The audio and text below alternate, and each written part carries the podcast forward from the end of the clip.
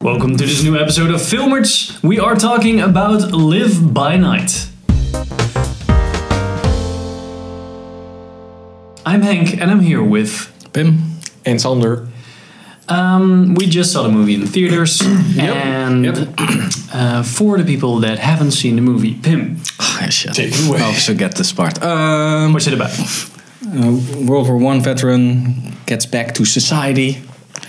Can't really find a steady job, so he turns to banditry and robbing people. Robs the wrong people, gets in debt with somebody. That's it. Yeah, kind of. Without, Girls. Girls. Of course. Yep. It's without not about spoiling the too, uh, too much. probation. Probation. probation. Probation. Prohibition. Prohibition. No, no, probation. He's on probation. Um, Well, it's from Ben Affleck. Uh, it's with Ben Affleck. and Directed it's, and screenplay. and screenplay Yeah. by Ben Affleck. Yep. Um, but it's a book Apparently. which we uh, have read, but we saw in the af- in the credits that it was a book. Um, Yep. Yeah. Well, fir- uh, Sander, first first thoughts. Mm, well, to be honest, f- based from the trailer, uh, yeah, I was pres- pleasantly surprised by the movie. I liked it a lot more than I thought I would like it. Um, it was a lot slower than I ex- expected it to be. Um, but it was not. Yeah, I, I don't know. It's not. It's not one of the not. Not one of my favorites. Let's put let's put it that way. It's- It wasn't an instant classic. no, no. It was a fun movie. It's a fun movie to see in theaters as well, and it's Yeah. yeah. I, I don't know. I don't really have that much. Like I'm not that excited about it or something or, so- or something like that. No. I I enjoyed myself. I liked it more than I thought I would like it, but that's about it. All right. I just like Ben Affleck as a director, so uh, that was a plus for me. Yeah, it's beginning to get into the into the Yeah, director's becoming to be realm. the next Clint Eastwood man. Yeah, just like oh, he, he made a movie. Oh, right. You're Yeah, gonna see like- that movie. We're Yeah. gonna see a movie from that director and not specifically that story or Yeah, like if you see a movie with him in it, you're gonna check if he directed it too. you yeah. know? yeah, sure. Yeah. Uh, what was your thoughts about it, Pim? Uh, I thought it was okay. Yeah, um, there were some Pretty eight. yeah there were some good parts in there, and also some parts that I wouldn't miss if they were removed from the final edit. Right. um, well, like halfway into the, into the movie, I I thought to myself, oh, it's kind of like a Michael Mann movie. Okay, if I if I look well, yourself. Well, like the pacing, the pacing of the movie. Like it's it never gets to the the no, there there aren't the normal Hollywood peaks in there. No, that's very true. Like normally in a Hollywood film, you get like the first bomb. Well, there was uh, the the chase here. That was all right. But how is that Michael Mann? well, uh, in my opinion, Michael Mann always really builds towards the end, mostly, and keeps it a very slow but sturdy pace throughout the movie. And other movies are more like high peaks and then and high peaks. Yeah, I- Um, yeah, okay, but two of my favorite movies from Michael Mann don't have that. I think. Collateral doesn't have that, and Heat doesn't have. That. I think Collateral still has uh, pretty. It has pace. a big opener, good middle part, and then the ending is also a chase. Yeah, I don't know. I'm not that familiar with Michael Mann movies, so I don't know about that. But about the pacing of this movie, I Can't did- be- I Not did- I speaking did about feel- the director, but the pacing is jeez. Jeez, Bim. I knew he's gonna get grief for this.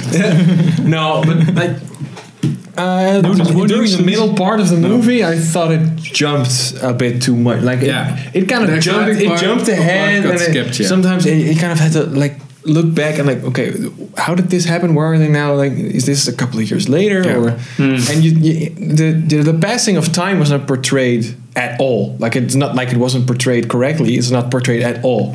Yeah, only at the beginning and at the end. But that's like okay, the space in between is pretty. the space in between is it's a pretty big. Yeah, there's a- Gap, there's a yeah. pretty big gap. the story takes place uh, over multiple years, I think. At least that's the impression I got at the end. Yeah, Yeah. Uh, but they don't show that at all. No, you just have to. and also Like feel. I, I kind of miss the exciting parts of. Um, he well, I don't know if this is spoiler territory or not, but he's kind of building a new life for himself.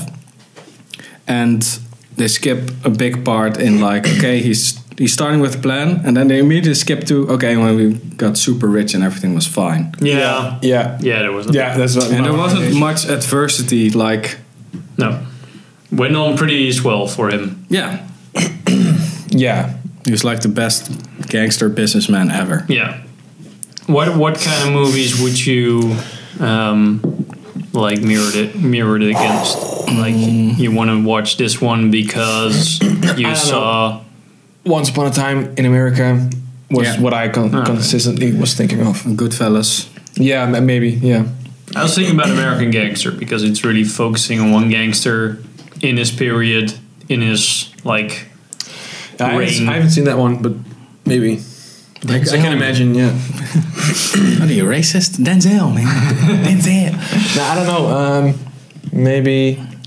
Board. I haven't seen that much of it, but Boardwalk Empire, maybe. Yeah, because that's the time period too. Al Capone. yeah right. That's really the specific period, Yeah. Which is yeah. Um, yeah, it's a gangster movie, so y- you're watching a gangster grow, Do gangster stuff. go- do gangster stuff, and um, well, in my short opinion, I would say there there was a lot of love interest, but not too much. But Kind of got annoying though. yeah, It was. it was not relevant to the plot at all. That's No. why I made your grip with it. I don't. I don't mind the, love amount story, of times but- they showed it, I'm like, okay, I, I get it. Yeah. I get it. Okay, move on. Come on. Like, yeah. yeah. It wasn't a se- yeah. It was a sub theme of the movie, but For me, it was also really weird because it, it was kind of set up as an important plot device because the, the girl of his in, like the Zoe Saldana um, was kind of like the sister of like one of the big guys over there. Mm-hmm. So I f- figured, oh sorry guys, man. Uh, one of the big guys over there. Oh fuck! me. ik moet echt even stoppen, jongens. Ik moet echt fucking. Fuck me. Ja, ik weet niet wat er is. Maar ik Komt echt er nog nauwelijks- water kan in? nauwelijks praten. Ja. de water. Kijk, van een soort film met hem ook drinkt. Ik heb het gewoon uit het toilet gescoopt. Dat dan. Ja. Nee, maar het is niet het water. Het is gewoon dat ik, omdat ik me verslikt heb. Nee. het Constant komt er weer zo'n kriebel. Nou, ik hoop dat het nu lukt. Eh, Helemaal overnieuw. Gewoon ja, maar ik weet niet meer. Ehm, zo Saldana, big Ja. guy.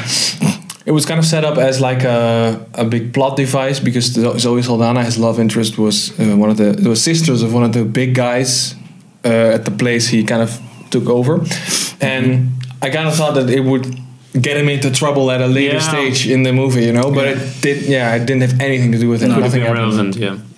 Yeah. Okay, but not to get into the spoilers.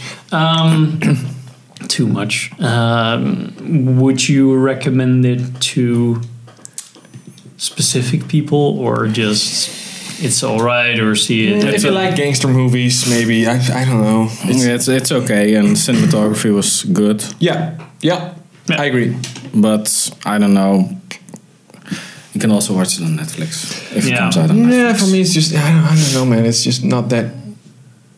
It, it yeah, it's not. I don't know what it is. It's not a bad movie, but it's just not memorable at all. No. it's not. No. it's mediocre. It didn't have some kind of special thing or something. no, it's, definitely just- not a must see. And I think if you love gangster movies, you're also not gonna be missing out on much if you don't see it. no.